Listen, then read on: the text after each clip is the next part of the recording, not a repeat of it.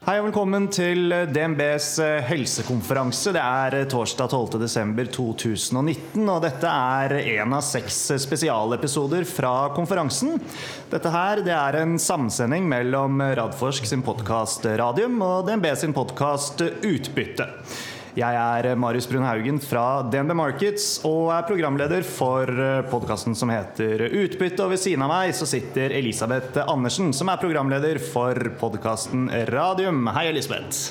Hei, Marius, og tusen takk for at eh, vi kan ha denne samsendinga på eh, holdt på å si førjulstrias eh, vakreste eventyr. For oss som jobber i denne bransjen her, så er det her vi pleier å være på den tiden av året. Vi skal i alt ha fem podkaster nå med porteføljeselskapene til Radforsk. Først av alt så vil jeg ønske velkommen til Jonas Einarsson, fastmakker i podkasten Radium. Takk skal du ha, Elisabeth. Veldig spennende å være her. Ja. Første selskap ut er Targovax, så det er veldig hyggelig å ønske velkommen til Øystein Saug, som er administrerende direktør i Targovax. Hei. Hei. Takk for at jeg får komme. Ja, Hyggelig, å ha deg tilbake igjen i, i Radium, og første gang i, i utbytte. Um, det vi skal gjøre i disse selskapspodkastene, er at vi har laget uh, fem faste spørsmål som vi skal stille til alle selskapene. Og så har vi i tillegg bedt om spørsmål fra lytterne, og det har vi fått. Så det skal vi også ta med. Og så så tar vi det derfra. Men uh, Marius, det er du som er vertskap i dag, så du kan jo begynne med første spørsmål. Ja, jeg gjør det, Elisabeth og Øystein. Det jeg tenkte at eh, vi kunne begynne med, er at du gir oss en introduksjon til selskapet i form av en god, gammeldags eh, heispitch. Altså kort og konsist, hvorfor er Targovax eh, interessant? Targovax på 20 sekunder?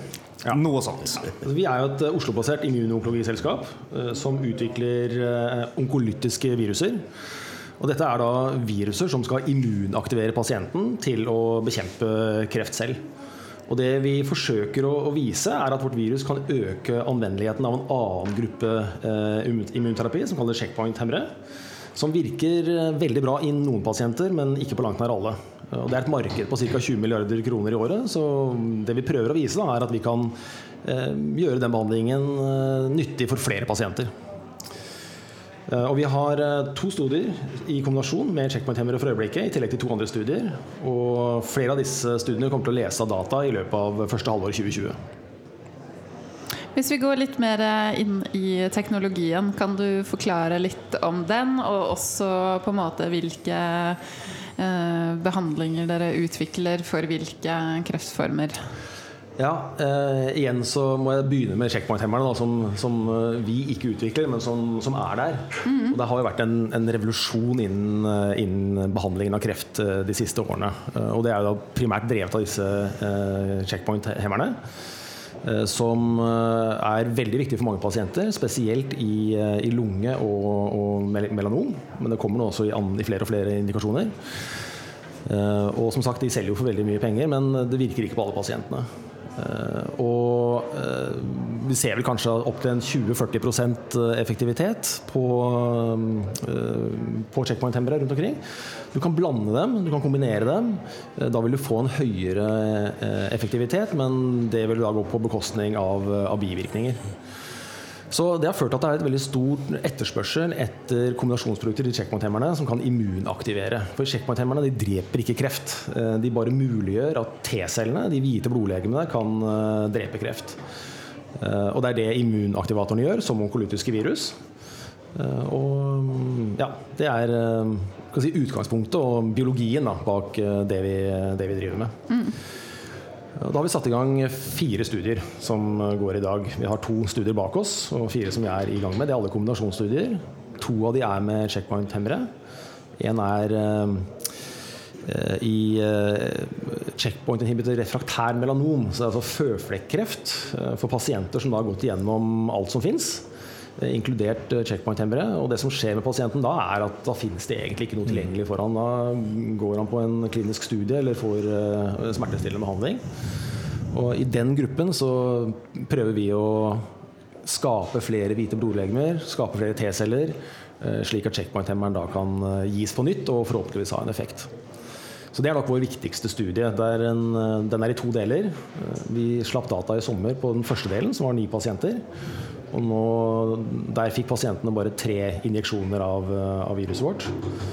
Nå er vi i en del to av den studien, hvor vi gir pasientene opptil tolv doser spredd over 24 uker.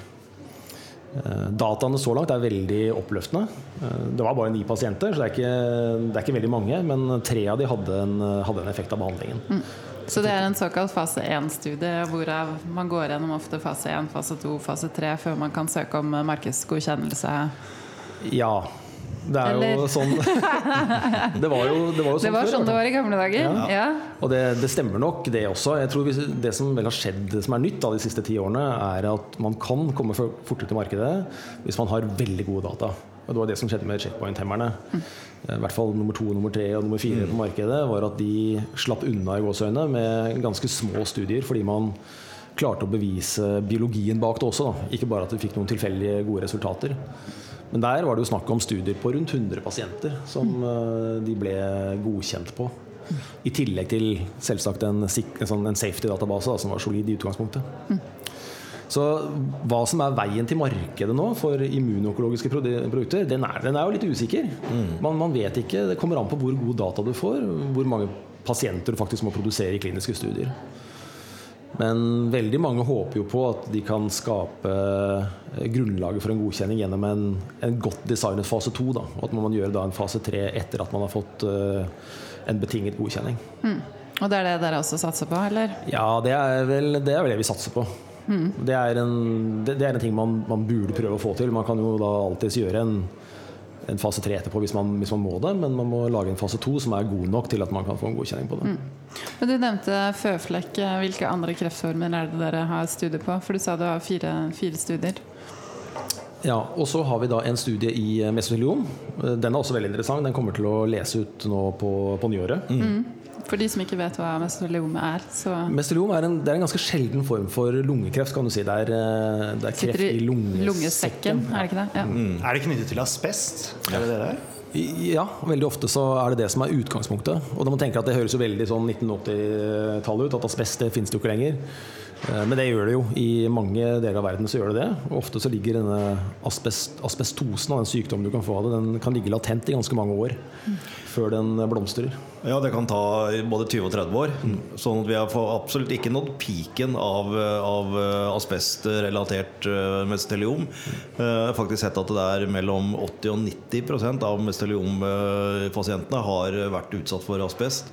Og så er det en annen ting som er, er litt sånn i gåsehøyne spennende. Ikke hyggelig at folk blir syke, men hvis man ser på det fra, fra et markedsmessig synspunkt, så er det jo at uh, nå begynner det å kom, bli ganske mange tilfeller av mesteliom blant de som jobbet under 9-11. Ja. Uh, fordi da, da, var det jo alskens ting de ble, ble utsatt for. Eh, så dette kan bli en ganske sånn het indikasjon i USA de, de nærmeste 10-20 eh, årene.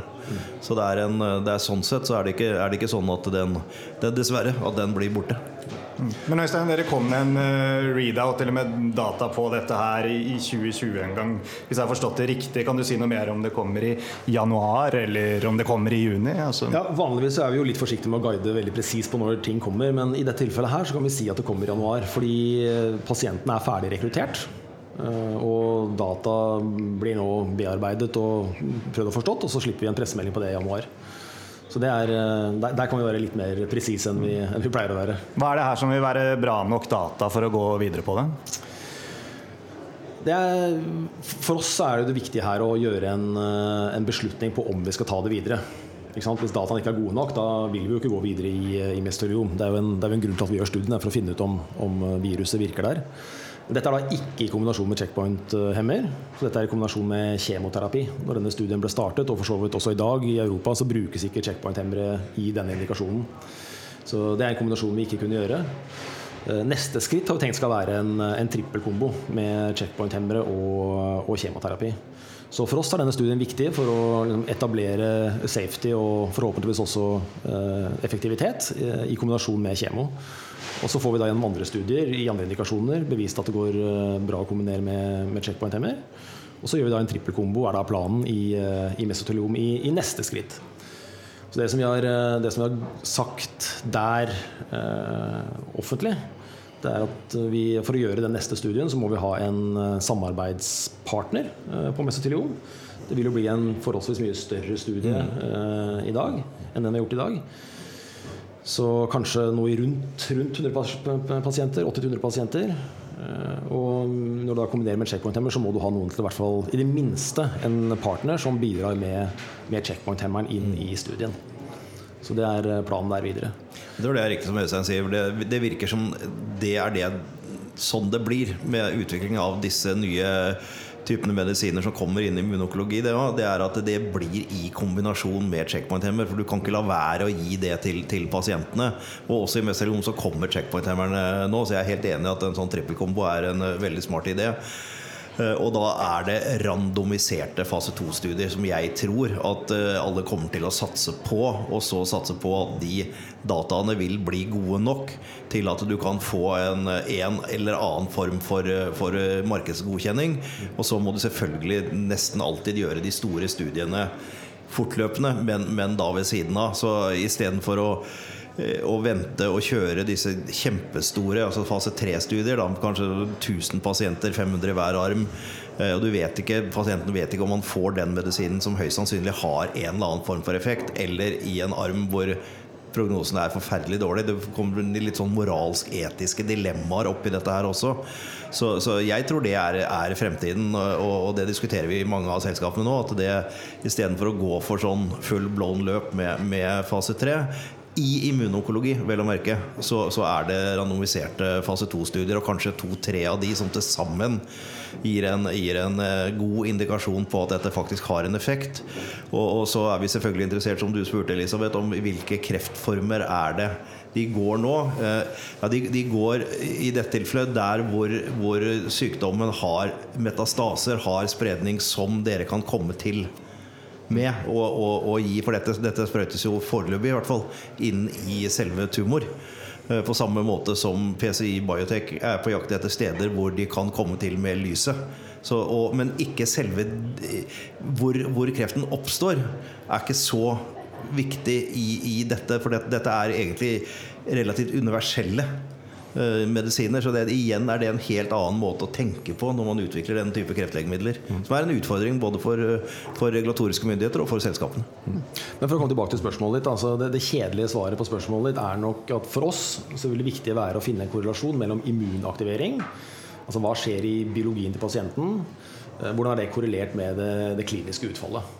Vi må se at det, at det henger på greip. Mer enn at det er noen sånne magiske tall der som gjør om vi går videre eller ikke. Skal vi eh, dra oss litt ut fra detaljene og se litt på det store bildet igjen? Og så har vi jo spørsmål fra lytterne som vi skal ta etterpå, som eh, går litt mer på eh, detaljer igjen. Men eh, det som kanskje kunne vært interessant å få litt mer om, Øystein, er eh, bl.a. Konkurransesituasjonen deres. Altså hvordan er den? Er det sånn at dere er de eneste som holder på å utvikle dette, eller er det et, er det et race innenfor det dere driver med? Det fins mange forskjellige typer immunaktivatorer. Altså eh, preparater som da i- stimulerer immunsystemet til å vekke til live og, og bekjempe kreft. Eh, viruser er ett av de. Eh, vaksiner er en annen. TLR9-agonister, det fins flere. Så det er vel våre konkurrenter i, i første rekke. Eh, Når vi kombinerer med checkpoint-hemmere, så har vi som sagt i ni pasienter veldig gode resultater. Noe av det beste vi har, eh, vi har sett. Um, En konkurransebilde vil jo etter hvert også bli mer og mer innen hver indikasjon.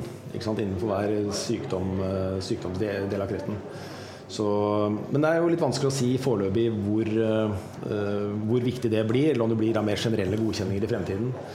Så For å snakke om et markedspotensial, altså jeg går litt tilbake til checkpoint-hemmerne, som selger for 20 milliarder i, uh, i året.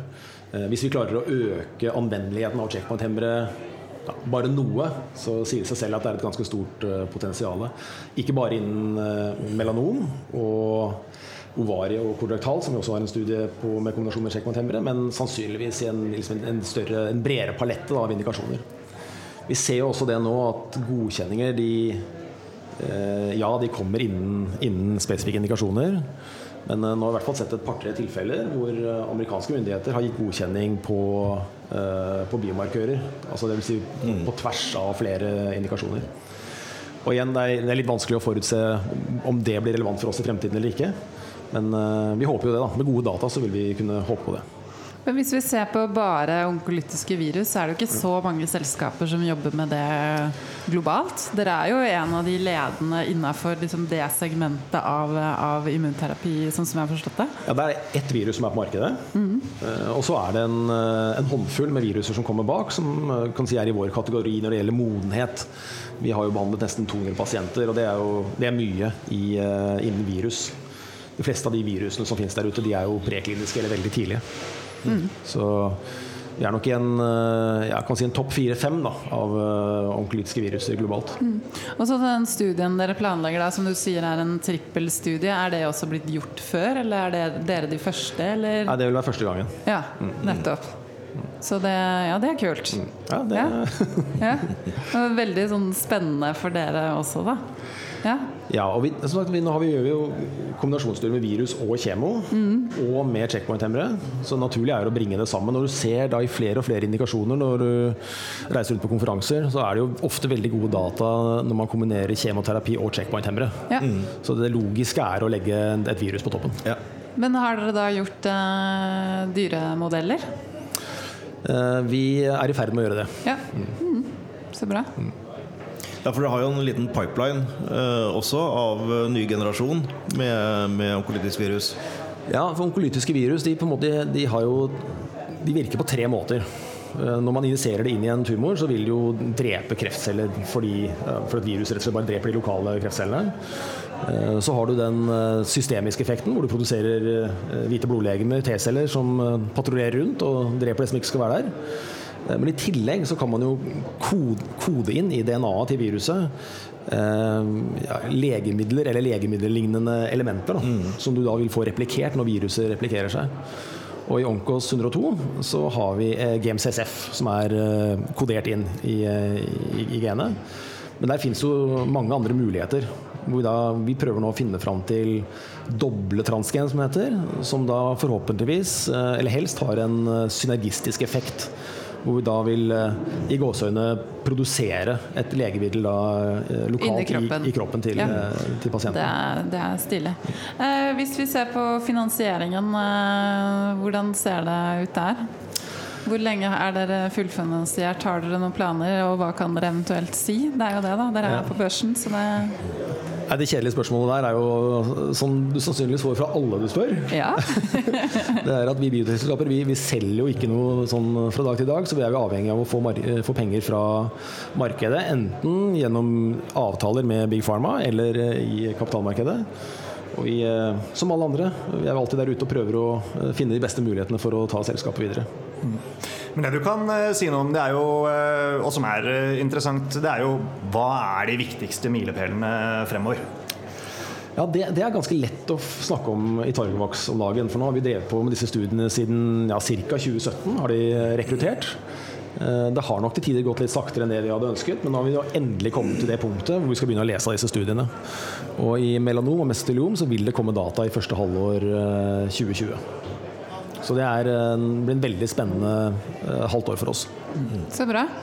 Da tror jeg vi skal eh, ta lytterspørsmålene som vi har spurt om. Du kan begynne med det første, Marius. Ja, det skal jeg gjøre. Eh, det er en som har eh, skrevet inn at utgangspunktet for spørsmålet er at det tar mange år, fase 1, fase 2, fase 3, å utvikle nye medisiner, og at det kan koste mye penger før medisinen er klar for markedet. Så skriver innsenderen er det mulig å si hvor utvikling utviklingen av Onkos 102 befinner seg i dette store bildet. Mm. Og hvilken tidshorisont ser Targovax eh, for seg før eh, en eventuell medisin kommer på markedet? Så Per i dag så er vi på, i fleste av våre produkter vi er i fase 1 eller fase 1-2. Eh, det betyr at vi må gjøre i alle de indikasjonene vi er, så må vi gjøre i hvert fall én stor studie still før det kan bli, en, før det kan bli snakk om en godkjenning. Men igjen, det kommer an på hvor gode dataene er. Eh, og vi har snakket om den mesoteliomstudiet på kanskje 100 pasienter. Hvis vi har veldig gode resultater der, så er det noe som kunne være klart da i ja, mot slutten av første halvdel av 2020-tallet, kan vi kanskje kalle det. Det er en liten indikasjon, det tar litt tid å rekruttere. I melanom kan man nok komme til markedet med den type data vi har nå i de ni pasientene, klare å replikere det i 40-50 pasienter, så er det mange som mener at det kan være nok for å få en godkjenning. Og det vil jo da kunne gå litt fortere. Men igjen, altså det er en, en ukjent variabel her, og det er hvor, hvor god dataen er. Ja, det, er, det, er veldig, det er et veldig riktig svar, fordi vi har også sett på det. Og vi har også sagt, eh, når vi, når vi børsnoterte Ultimovox, så sier vi at det er mulig å få en eh, markedsføringstillatelse i løpet av tre til fire år. Eh, Når vi nå har starta en, en stor eh, randomisert eh, fase 2-studie. Men da skal alt klaffe. Da skal dataene være så gode at man får det da. Eh, Og det kan være at man må utvide den studien, eller man må starte en ny studie. Så jeg kan på en måte si at det mest optimistiske der hvor Targovax er nå, og de starter en sånn type en eller flere randomiserte, så kan det få en markedsføringstillatelse etter tre til fire år. Men igjen, da skal alt klaffe. Så bra. Vi kan gå videre til neste spørsmål. Da tror jeg du må forklare litt eh, bakgrunn, så ikke vi blir for eh, interne. Fordi Spørsmålet lyder som følgende. Hva skjedde med TG02? Hvorfor ble studien avsluttet rett før fremleggelsen av data? Ja. For de som ikke har hørt om TG02, så kan du kanskje bare si kort hva det er først. Historisk så har jo Targovax hatt to teknologiplattformer. Hvor det ene har vært det onkolytiske viruset, og det andre har vært en, en, eh, en kreftmaksine mot mutert rass. Ehm, som også kom til fase to. Ehm, det vi valgte å gjøre tidligere i år, det var å konsentrere oss om én av plattformene. Vi er et lite selskap, vi har begrensede ressurser. Eh, Hadde vi vært eh, et stort selskap med veldig mye penger, så hadde vi nok helt sikkert fortsatt i, eh, i begge, med begge plattformene. Men den avgjørelsen vi tok i mai, var det vel, det var å satse på en utlisensiering eller ulike typer av kollaborasjoner på, på TG. Så den er nok i, i gåsehudene blitt litt parkert. eh, I påvente av at vi klarer å finne en partner for å, for å ta det videre i en eller annen form. Være seg eh, regional, global, kommersiell, akademisk. Der jobber vi ganske mye for å få til det. Så det er fremdeles viktig for oss, selv om vi ikke snakker så mye om TG lenger, mm. at vi gir TG ben å gå på. Ja. Men en konsekvens av at vi har sluttet å investere aktivt i det selv, det er jo også at vi nå ikke betrakter alt som skjer der som eh, nevneverdige nyheter. Være seg positivt eller negativt. Det vil si at De nyhetene vi sender nå, de har med, med Onkos å gjøre. Og for at vi skal begynne å sende nyheter på TG-plattformen igjen, så vil nok det være eh, store nyheter som f.eks. en partneravtale. Ja. Men det, det skjønner jeg. Som et lite selskap så må man jo på en måte velge retning, og man må jo satse på det. Så, men vi har jo et hjerte for den TG-plattformen i, i Radforsk, siden det var det liksom hele selskapet ble starta på. Jeg ser Jonas smiler. Ja da, vi, jeg, mener jo absolutt at det er en mulighet. Det er full forståelse for de, de strategiske beslutningene som selskapet måtte, måtte ta der, men jeg håper virkelig at det er, er mulighet, og det er jo en økende interesse for, for dette feltet også, så mulighetene ligger der absolutt til stede ennå. Altså. Jeg tror vi skal, la, vi, skal la, vi skal snakke med actions og ikke med ord når det gjelder Ja. PG. Ja. Eh, Så det er, det er vår plan eh, her nå.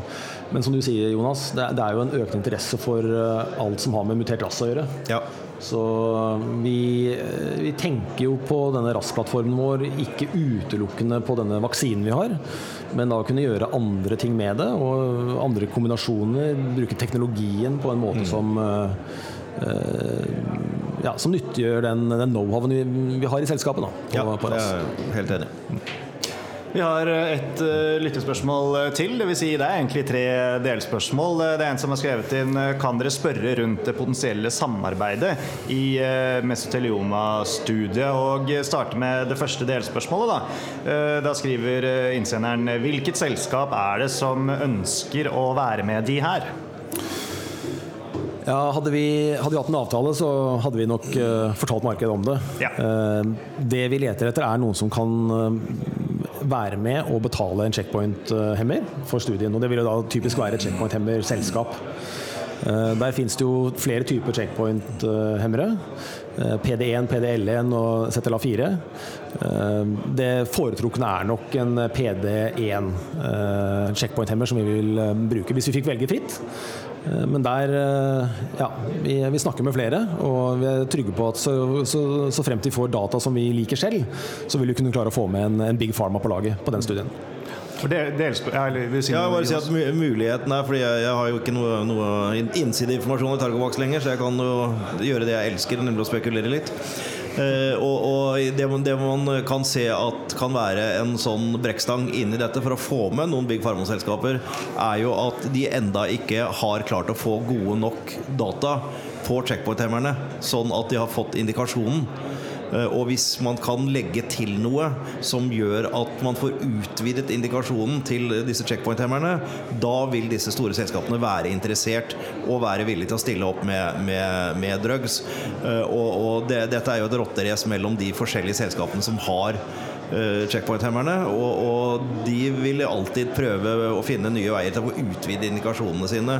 Så, så innen de feltene så tror jeg det vil være en en mye mer i betalingsvillighet i form av å gi, gi drugs til sånne studier på der hvor det ikke er oppretta indikasjoner, enn der hvor det allerede er etablerte indikasjoner. Og så håper jeg dere også ser på muligheten av en ikke bare trippel, men en fire kombi, altså med, med en liten dose med ZLA4 og, og øh, PDN-hemmer pluss dette her. Det, det tror jeg også kan være veldig spennende å sjekke. Ja, for det er et par av oppfølgings- eller delspørsmålene fra innsenderne her er altså eh, om du kan si litt om hvilken avtale som eh, man ser eh, for seg, og, så er det også og, og hvordan ser studieoppsettet ut? Er det én arm med CPI, eller vil dere prøve eh, trippel eh, kombinasjon? Ja. Ja. Det vi, vil, det vi vil prøve, det er jo en, en trippel kombinasjon. Og da vil du ha en safety eh, lead-in eh, i trippelen på en, en håndfull pasienter, før man da går ut i en randomisert studie eh, med en sånn 40-50 pasienter i, eh, i hver arm. Og Det vil da være trippelkombo i den ene, og så vil det være da uten eh, i den andre. Og Det er en studie som vi har snakket med regulatoriske myndigheter om, og som vi har snakket med KOLs om, og som vi har jobbet med en stund. Og føler at vi har landet på et, eh, et godt sted da, når det gjelder design på det studiet. Eh, Men det som skal skje først, er jo at vi skal lese ut dataene fra den pågående studien og få en partner. Veldig bra. Da har vi vært eh, gjennom den planlagte agendaen. Da, Elisabeth. Veldig fint med en oppdatering fra deg, Øystein. Tusen takk for det. Ja, takk skal du ha. Det er alltid hyggelig å ha deg tilbake. Så tror jeg vi skal bare booke en avtale i, i januar 2020, høres det ut som. I, I radioen i hvert fall. Det må vi. Det, Marius får snakke, for, snakke på podkasten. Yes. Ja, ja, hjertelig velkommen til oss også, Øystein. Det skal du vite. Så eh, da får du nok en telefon. Så bra. Takk skal du ha. Takk for meg.